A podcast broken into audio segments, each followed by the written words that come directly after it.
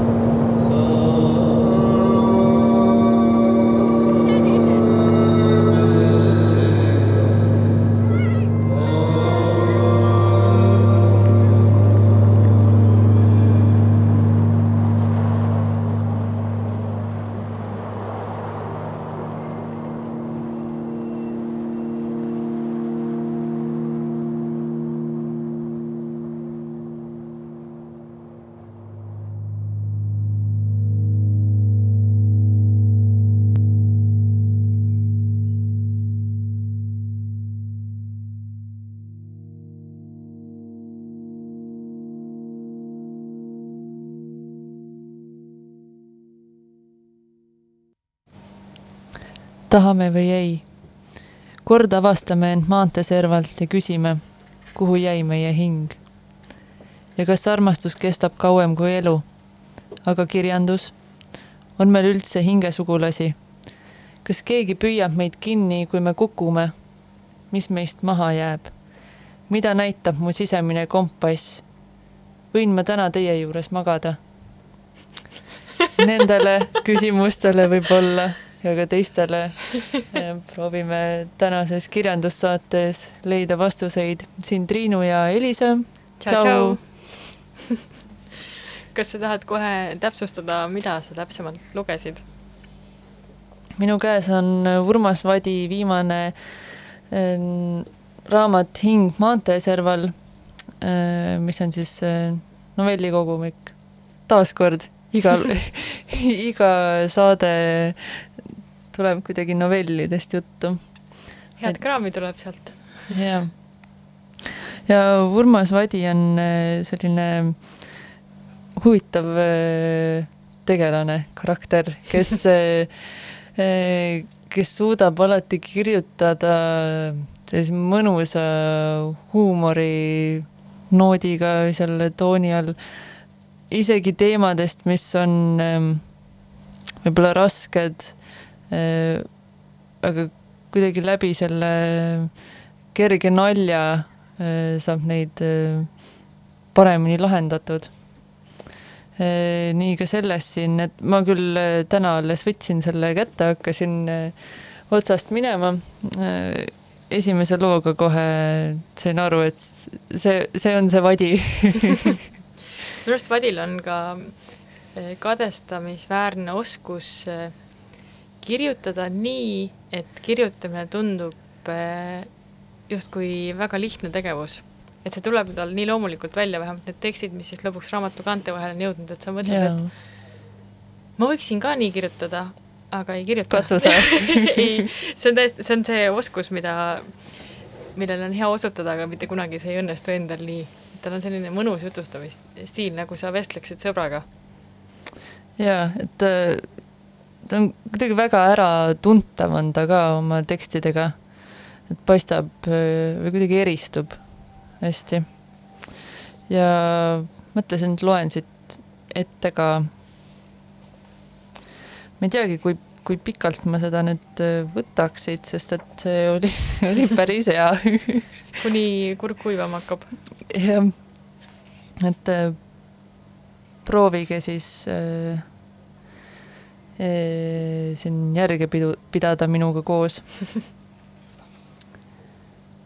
praegu tahavad olla paljud sammalhabemed, kas siis maailmavaatelt ja kolida kuhugi maale, ehk isegi otse metsa, või siis olla sammalhabe oma väljanägemiselt ning osta endale roheline parka. aga mina tahtsin koolikarnevalil olla kauboi nagu kõik normaalsed tüübid või siis konkskäsi James Hook või kapten Tenkesh või Bruce Lee. Meil on ju sammalhabeme kostüüm, vastas ema mulle varjamatu uhkusega justkui polekski enam midagi muud eluks vaja, kui sul on juba see kostüüm. See hõre hõlst, see kasetohust kaabu ja samblast habe lahendavad kõik meie mured, viivad ära kurbuse ja tunde, et mind pole mitte kellelegi vaja, et mul ei saa olema mitte kunagi oma tüdrukut ega ühtegi tõelist sõpra, ei armastust ega hingesugulast ja sel karnevalil jääb minu osaks vaid alandus ja totrus ning aina kasvav teadmine, et ma ei vääri muud kui see nõme kostüüm. kuidas ta nõme on, ei ole ju ema oli õmmelnud seda õhtut otsa, torkinud nõelaga veriseks oma näpuotsi, sest kasetohust nõela läbi pressida polegi niisama. ta oli lõiganud enda kunagise heleda suvepluusi eest veripunased nööbikesed ja kinnitanud need habeme külge pohladeks ning oli tulemusega väga rahul. aga minu jaoks oli kogu see komplekt midagi relikti ja reliikvia vahepealset. justkui oleks keegi vanad sussid ja surnud tuhkru pakke paberisse keeranud ja pandud kapinurka ootele, mil tuleb uus karneval. ema, ma tõesti ei taha, palusin, pisarad kippusid silma, olin meeleheitel. aga see on ju nii tore, lausus ema juba teab kui mitmendat korda ja astus muudkui minu suunas kasetohust kaabuga ning üritas seda mulle pähe panna. lootuses, et kui see mul juba peas on, siis kõik laabub ja ma saan isegi aru, kui mõnus on olla sammalhabe. mina tõrkusin, tõmbasin pea eest ära, ema tuli aga aina edasi olin nurka aetud, viimaks karjusin ei. ema taltus. ta käsi ühes kaabuga vajus jõuetult rippu, mis sest poisist küll sedaviisi saab. kuidas teha oma lapsele selgeks, mis on talle parem, see on nii raske, sa näed ja tunned teda ja tead, mis talle sobib, kuid sõnad ei aita. Nad on nii tühjad ja kõmisevad kumedalt. siiski ema proovis, proovis veel. ta enda lapsepõlv oli olnud raske, isa Magadanis sunnitööl, nad ise kodust pagendatud, elasid ühe kapi taga, aga ta oli sellest viletsusest ja vaesusest läbi murdnud ega andnud alla ka nüüd. see on sulle kui loodud. see polnud muidugi tõsi kostüüm oli esmalt kandnud mõõde ja seda korduvalt. kas Kaili ei tajunud mingit sisemist vastuolu, kui pani endale ette sammaldunud habeme? või oli selle taga tema leebe ja leplik loomus, mis vältis konflikte nii lapsena kui hiljem, sundides tegema enda jaoks halbu ja kahjulikke otsuseid ja leidma üles kõige sobimatud mehed, keda teenida. igatahes oli kostüüm vana mõnikord oli seda ka välja laenatud ja alati pärast kahetsetud, sest aina rohkem hakkas midagi karvendama, kuue küljest kukkusid käbid, uhke jändriku kepi oli Kaili unustanud bussi, kasetohust kaubu vahelt terendas kohati lillakat vilti. endiste aegade hiilgus oli kadunud, minuni jõudis sellest kostüümist pigem mälestus või mõte lõpuks panin ta muidugi selga, ise panin, sest kui ema oli juba kõike proovinud, keelitanud, meelitanud, nõudnud ja ka ähvardanud ja see kõik polnud aidanud, siis korraga hakkas ta nutma. enne veel lausus. kui mind enam ei ole, küll te siis kahetsete. selle lause ees olime me Kailiga võimetud. kahetsus ja hirm jõudis meieni hetkega. kiiruga pusisin kostüümi selga, kaabulotju pähe ja avasin köögiukse. ema istus pimedas pliidi ja külmkapi vahel pisarad voolasid mööda ta põski. kukkusid kittelkleidi kiududele, püsisid seal veidi ja siis ühel hetkel imendusid ja kadusid kangasse.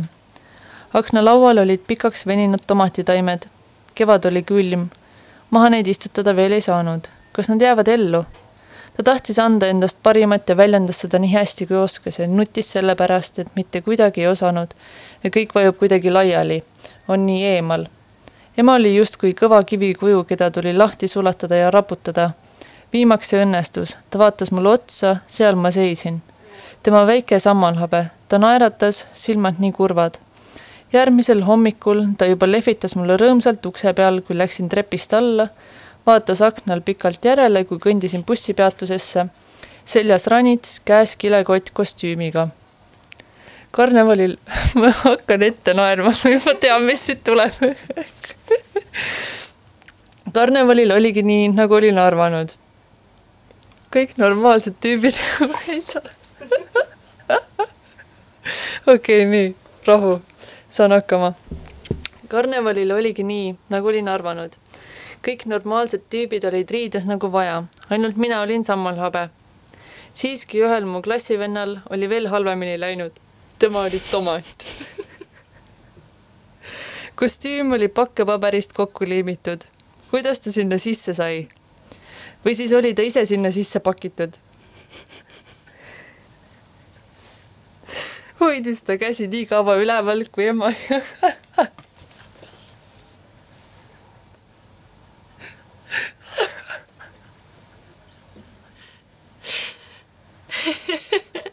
ma naeran juba sinu naeru nii professionaalne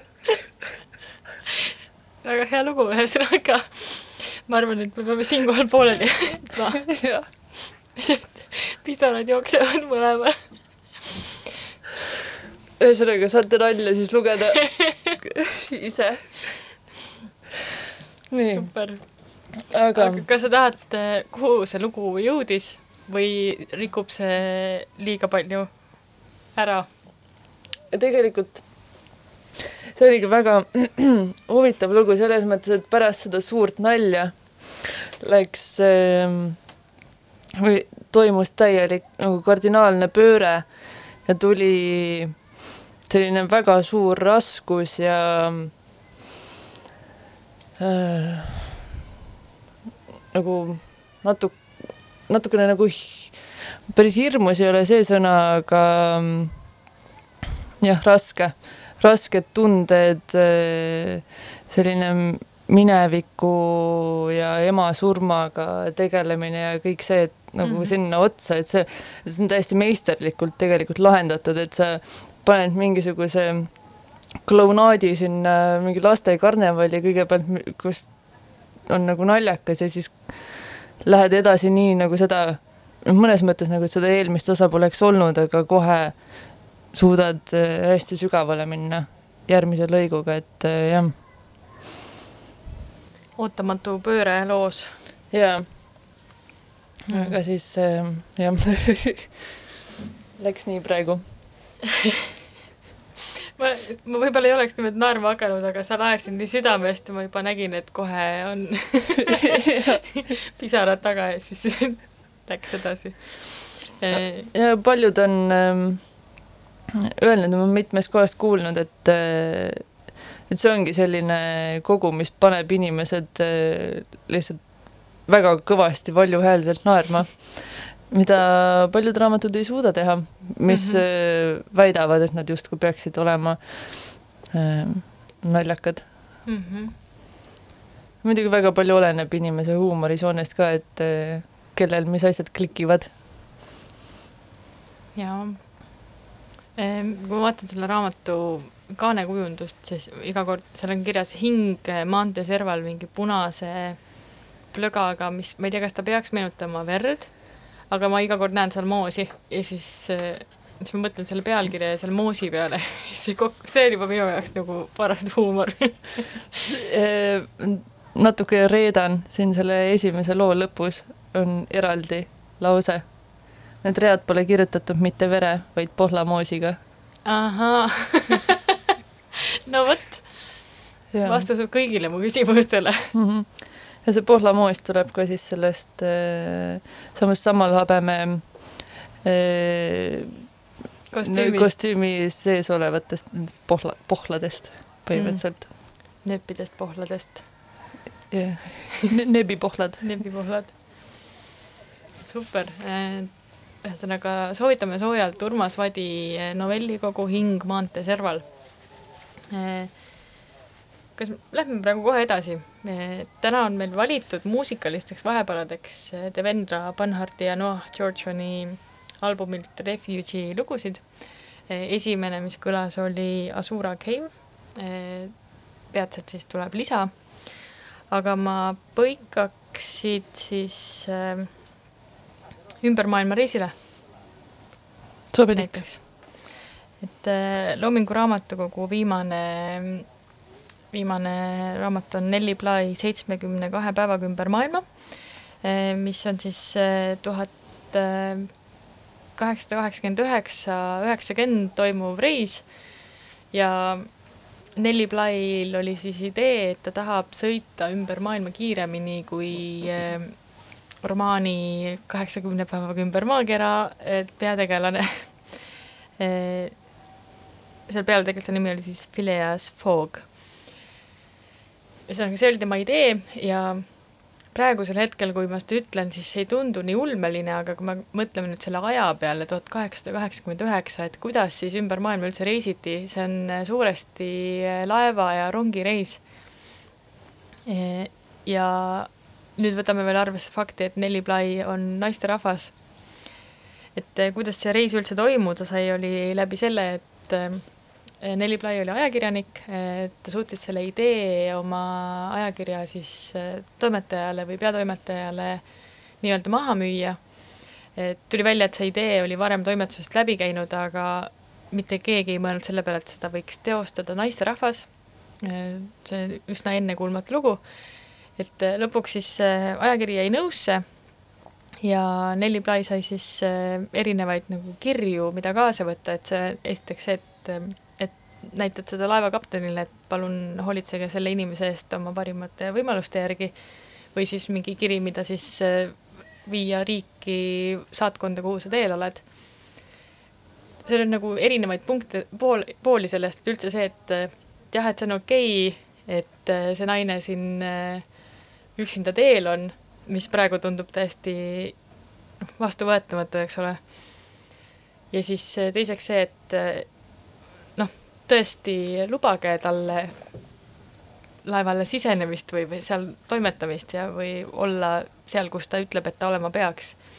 et seal oli nagu mingi erinevaid nagu külgi, mis mind tohutult ärritasid selle reisi jooksul, aga samas me ei saa nagu unustada seda lugedes, et Nelli Bly oli väga priviligeeritud seisus, tal tõesti olid need kirjad, tal oli see raha, et sõita esimeses klassis, tal oli, oli see võimalus koha peal, ma ei tea, laevades kas või nagu einestada, et kui ta kirjeldab seda olukorda, kuidas nad käivad vahepeal teises klassis pidutsemas või nagu vaatamas, kuidas teise klassi rahvas aega veedab, et siis enda omakorda aega veetes neil esimeses klassis juba nagu tüütuseni nagu kõik tehtud. ja siis nad lähevad, vaatavad, kuidas seal teises klassis ikka lauldakse mõnusamini ja ja samas nagu nad sinna ometi pidama ei taha jääda, seal puuduvad kõik need võimalused, kõik see mugav magamisase või see, et üldse keegi sulle sööki valmistaks, nad valmistasid seal teises klassis ise süüa, et kui sa oled kümneid päevi merel, et esiteks sul peavad need hästi kaasas olema ja siis seda seal teha kambakesi koos tundus mulle täiesti ulmeline ja üsna äh, ebahügieeniline ka, ma pean ütlema, et äh, eks merereisidel ju need äh, haigused levisid hästi kiiresti ja mm -hmm. laevade kaudu ju siis viidi neid hoogsalt uutesse kohtadesse. oo oh jaa oo oh jaa. et äh, ja siis selle raamatu puhul on, ta on äh, väga nauditav lugemine, äh, Nelli Bly on kahtlemata väga haarav jutustaja. oma aja kohta räägib siin üht-teist veel ka see, et kuidas ta kirjeldab neid ähm,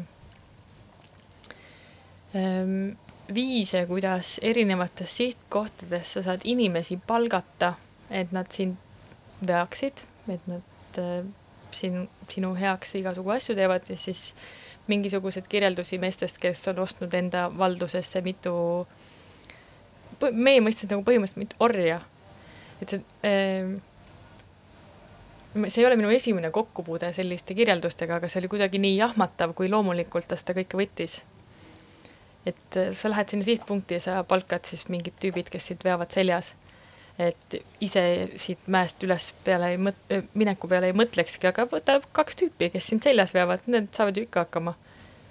noh, see, sa kirjeldad juba seda raskust ja siis sa paned selle raskuse sõna otseses mõttes kellegi teise õlgadele, see oli minu jaoks äh, üsna õõvastav ikkagi selle, selle kirjelduse juures.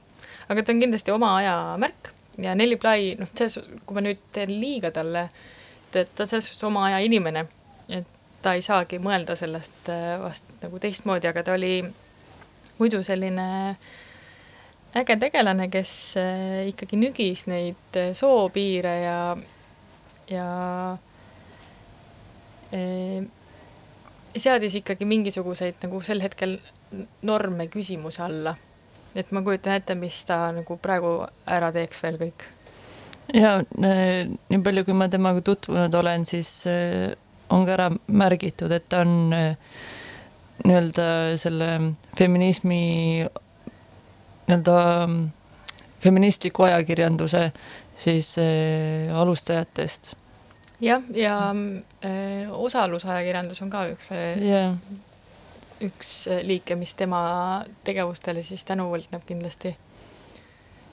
et ta oli, et eeskles hullumeelset ja läks vaimuhaiglasse patsiendina, et siis äh, paljastada, millised jõhkrused seal inimestega läbi viiakse. see on päris ränk äh, lugu, ma uurisin selle kohta veidi ka ja siis mul tekkisid ka, kananahk tekkis ihule, sest et see on päris metsik, millised need äh, äh, osutused olid siis ja ma tegelikult arvan, et ega need osad praegugi ei ole väga palju paremad. no oleneb mm -hmm. riigist muidugi, on ju, et mm -hmm. millest me räägime, aga aga siiski ei tahaks sinna sattuda. jaa.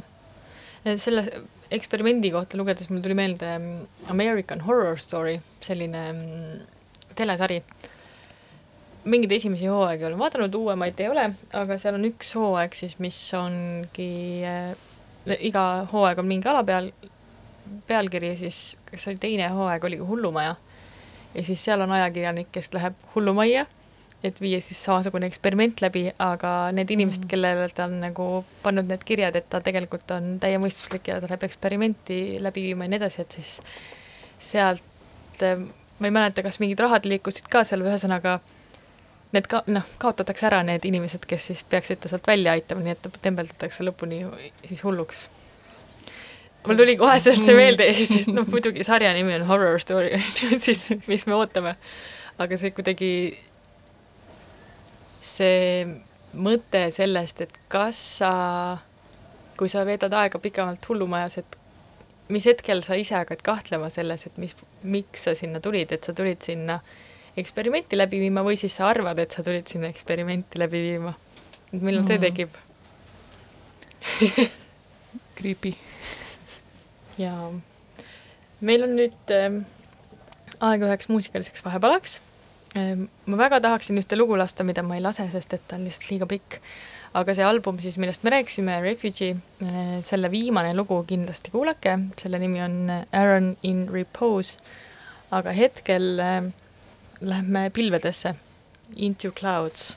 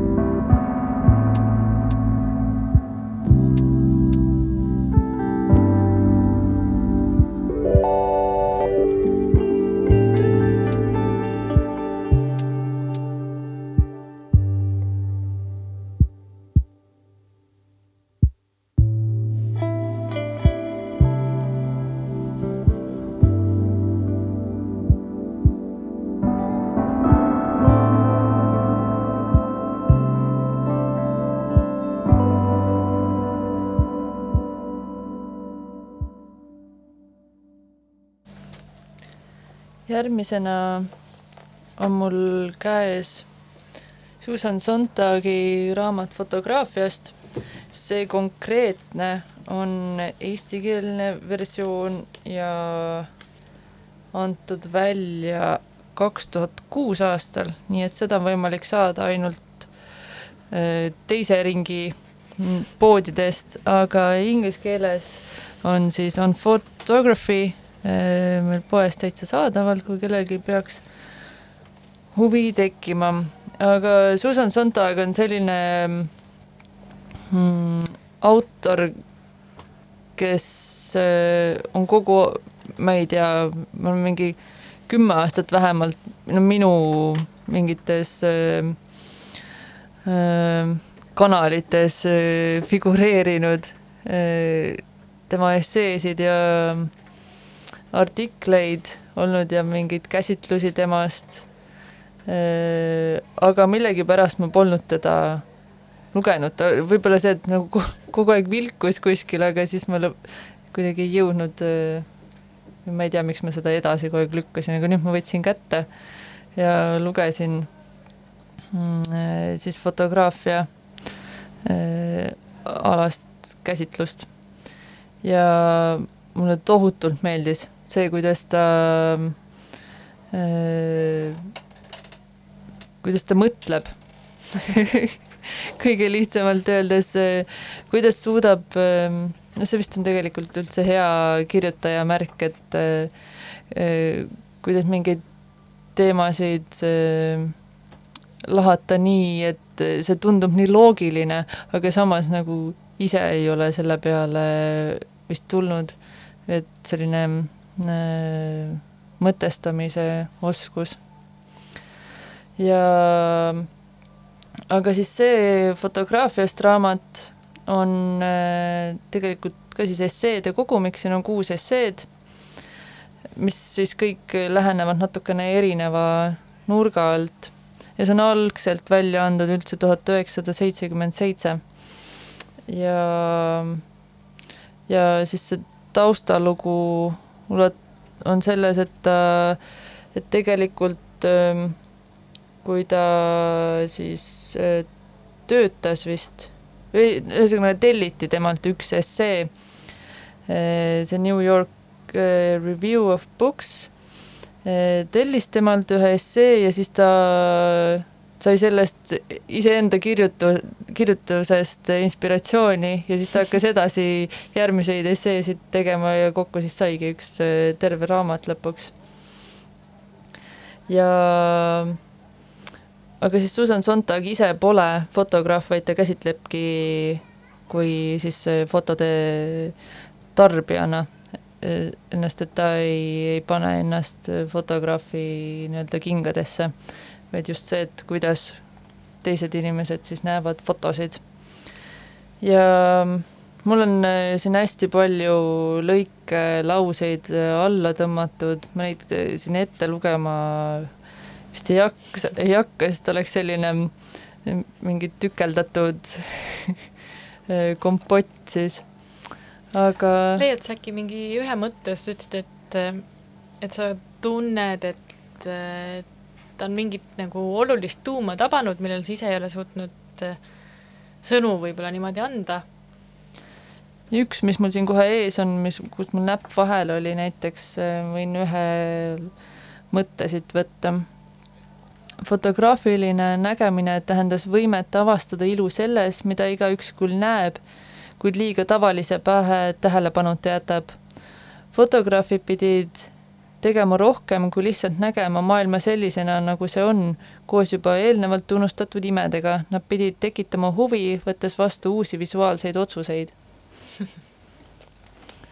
et ja ma arvan, et see sellepärast paelus ka mind nii palju, et kuna äh, Äh, mulle endale ka meeldib pildistada ja Elisa, sulle ka tegelikult ju. ma tean, et sa vist praegu enam nii palju ei, ei tegele sellega, aga on, on olnud aegu. on olnud aegu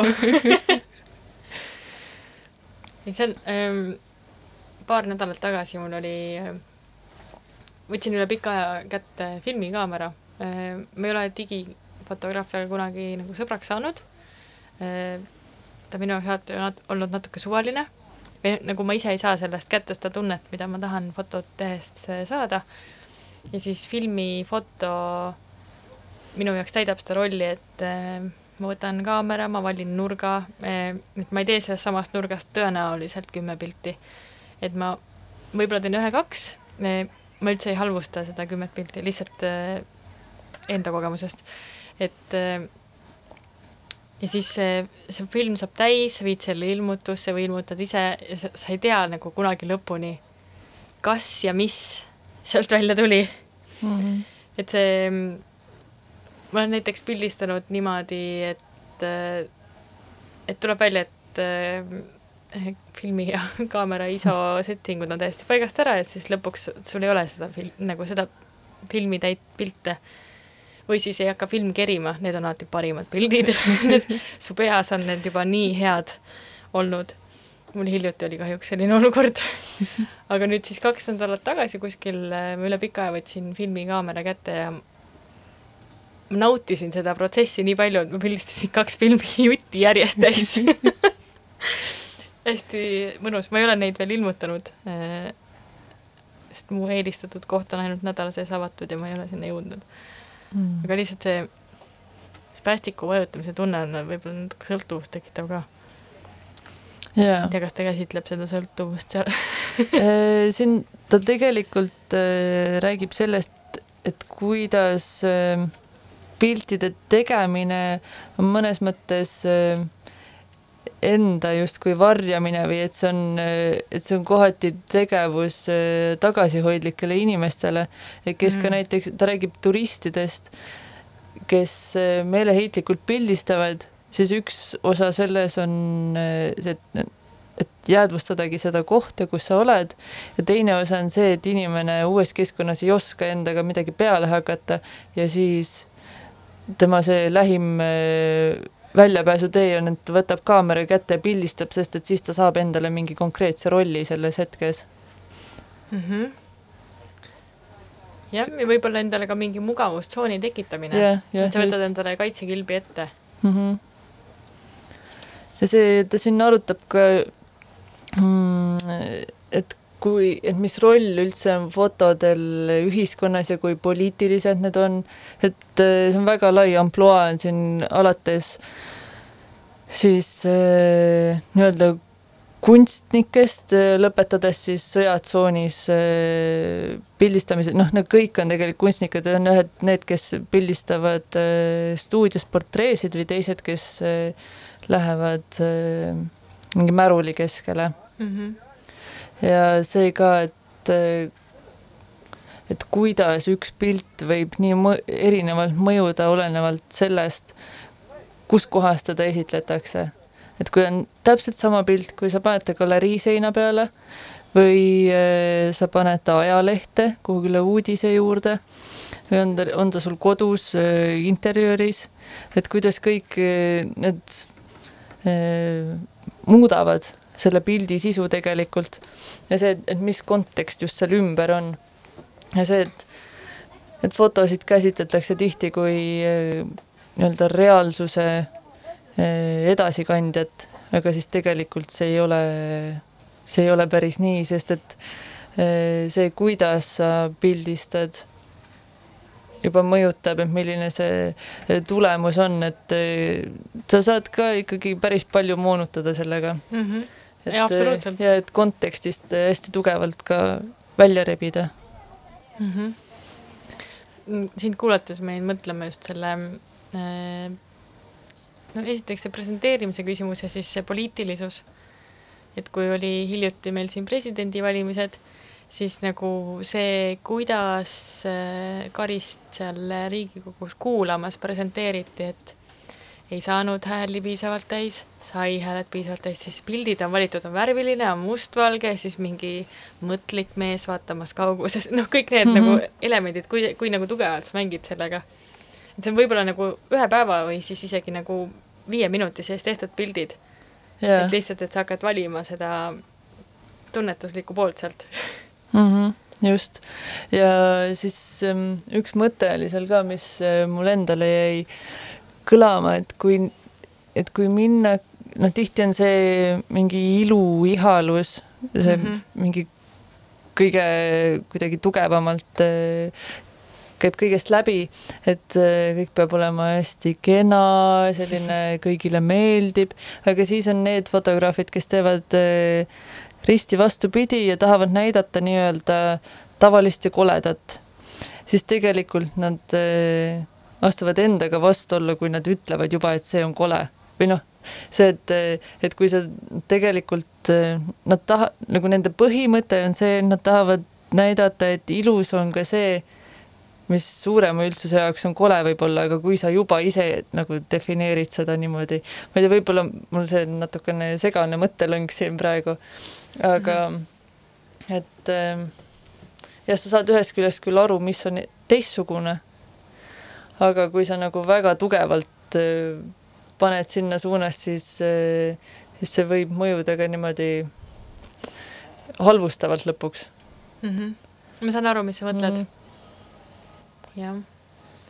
see on võib-olla ka noh, mingi sildistamise küsimus, jah, jah, et ähm, jah, mis õigusega me üldse paneme millelegi sildi külge. aga no eks, eks see on jälle see normide nihutamine jah, ja ta- sellele, seda mm -hmm. sa Mhm. mõtlesid, eks ole? jah, et äh, ja Susan Sontag, et oli ka üks suur normide ja piiride nihutaja nii oma tekstide kui ka teiste töödega, et ta on ka filme teinud. ma ei ole kahjuks ise ühtegi filmi näinud. aga pärast selle lugemist nüüd mõtlesin, et äh, tahaks äh, teada, et kuidas ta neid asju lahendanud on. ta vist oli isiksusena ka üsna, ma ei taha öelda problemaatiline, vaid ta oli mm,, ta ei läinud lihtsale kompromissile, vaid äh, tal olid väga selged äh, veendumused ja see viis, kuidas ta neid äh, väljendas ja ta ei äh,, ta ei leppinud keskpärasusega.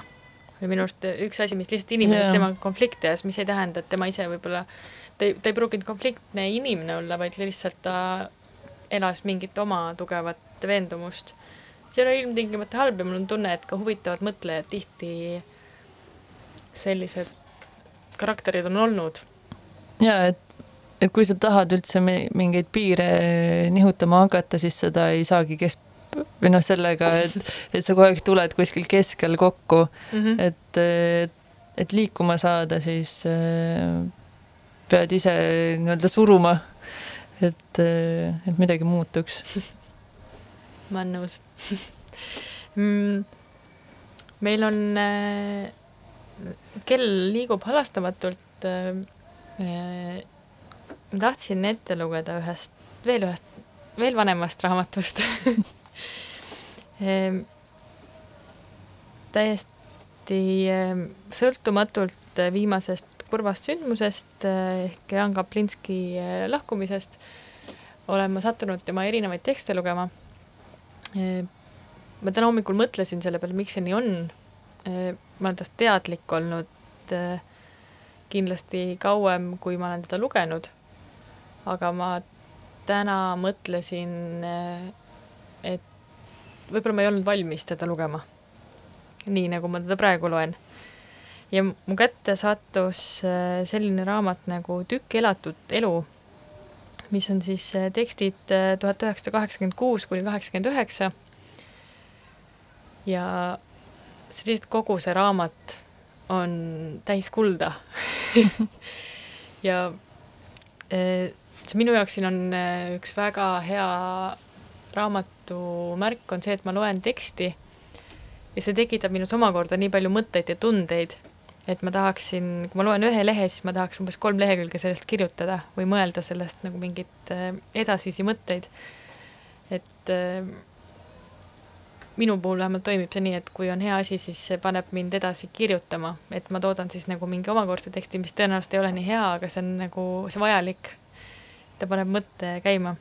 ja siin oli, kui me jõuame, siis ma loen ühe, ühe varasema luuletuse siit raama-, raamatu mõttes varasema, aga ma väga tahtsin lugeda üks pikem tekst on, kus siis eh, Kaplinski kirjutab käigu pealt eh, kuidas ta läheb kodust metsa.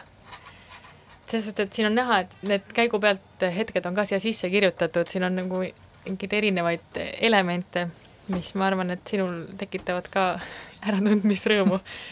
aga ma loen äh, erinevaid äh, lõike, nad on pikemad on võib-olla lehekülg, pigem lühemad, eraldatud üksteisest sellise katkendliku joonega et mul ei tunne, ma ei tunne, et ma teen sellele tekstile liiga, kui ma hüppan natuke. Ehm, teksti nimi on Läbi metsa. olen vahel tahtnud põgeneda, minna ära, nii et keegi ei näeks ega teaks. nagu lapsepõlves, siis kui roomasin suures voodis teki all ja mängisin, et olen mäger või rebane. või istusin vaikselt riidekapis ja kujutlesin, et keegi kunagi ei leia mind et olen igaveseks kadunud, aga ometi olemas. nii olen püüdnud ühe korraga olla olemas ja olemata. mida me võib-olla kõik tahame, aga mida vist väga vähesed oskavad. me tahame olla olemas, aga kandmata olemasolu raskust. olla kehatud ja muretud. näha, aga olla nägematu. Kuulda, aga olla kuulmatu. lennata tuules ja minna läbi seinte ja kaljude kui me ise seda ei suuda, oleme lasknud muinasjutu tegelastel niimoodi olematult olemas olla. vahel sellest ei aita. vahel tuleb minna metsa või merele või kas või aidalakka või vanasse sauna. mina lähen metsa. aga ma tahan ka kirjutada. kirjutada kõigest, mis ma teen ja näen. Ma tean, et tulen tagasi. mu põgenemine on rituaalne. on enesetapp tapp kaks korda ülekantud tähenduses. pistan jaki taskusse väikese musta kaustiku ja pastaka. mõtlen, mul on kaks äärmist võimalust. kirjutada kõigest, mis tähendab, et muud ei jõuakski teha, kui kirjutada, siis ei oleks ju ka millestki kirjutada. või kirjutada ei millestki, mis annab võimaluse takistamata kõike teha. kirjutamine segab elamist ja käimist. Pean valima kompromissi. astun ja vaatan kui midagi olulist näen, pean meeles. iga natukese aja tagant seisatan ja kirjutan. see on, kannab sellist sissejuhatavat äh, funktsiooni, aga samas ta on oma, juba on siin minu jaoks väga olulist.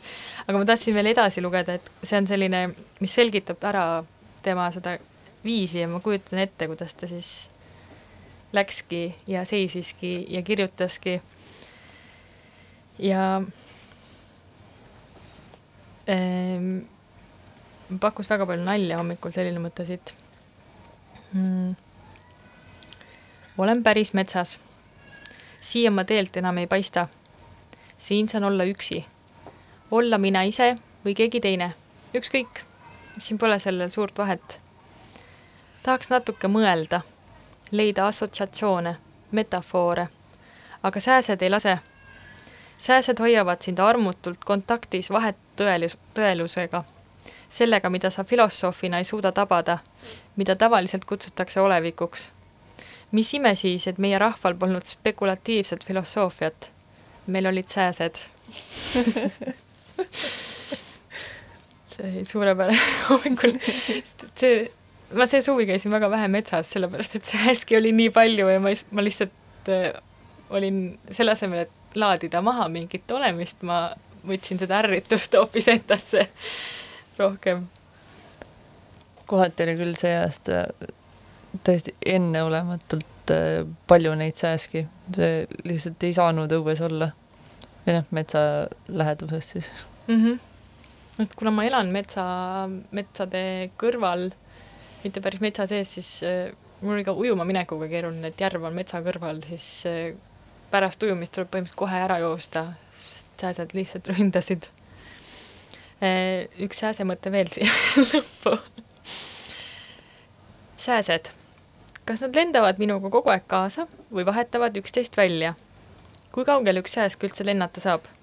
tuleks neid kuidagi märgistada ja asja uurida tuleks aga mm, tunnen, ma jõuan ühe ühe teksti veel lugeda, mis mulle tundub, et on selle konkreetse raamatu puhul äh, läbiv teema, et äh, minek ja tiibade kasvatamine või mingi lendamine, et see, ma arvan, et see ei tähenda lihtsalt ausalt lendamist, aga siis mingisugust nagu ülekantud tähenduses lendamist on selles raamatus väga palju ja see, see on kohe teine lehekülg siit raamatust, ma just lugesin ja ma põhimõtteliselt ahhetasin kodus et kuidas ma ilma selle raamatuta enne üldse elanud elan, olen. aga see tuli sinu ellu praegu. see tuli minu ellu praegu. nimetu tekst eh, on siis selline. To eat a pie and to have it. süüa pirukas ära ja jätta alles. mina saan sellega vahel hakkama. vahetan tüki elatud elu luuleks ja edasi rubladeks ja kopikateks. elan sellest samast elust, söön iseenda saba ja sääremarju ja nad kasvavad uuesti, ikka uuesti ja luuleline kotkas tõuseb uuesti lendu ja katsub tõusta minuga ära siit ilmast, ülemise ilma äärele, kus nad kord lükkasid mind alla.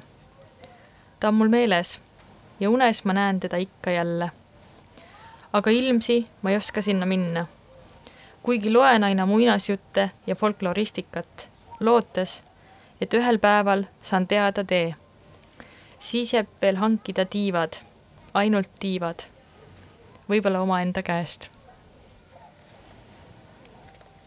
selline tekst, et ähm, ilus mõte, et see, eriti see lõpp, et sa nüüd, kui sa ise oled luuletaja, siis sul on võimalus need tiivad endale ise, ise ise, luua. ise luua.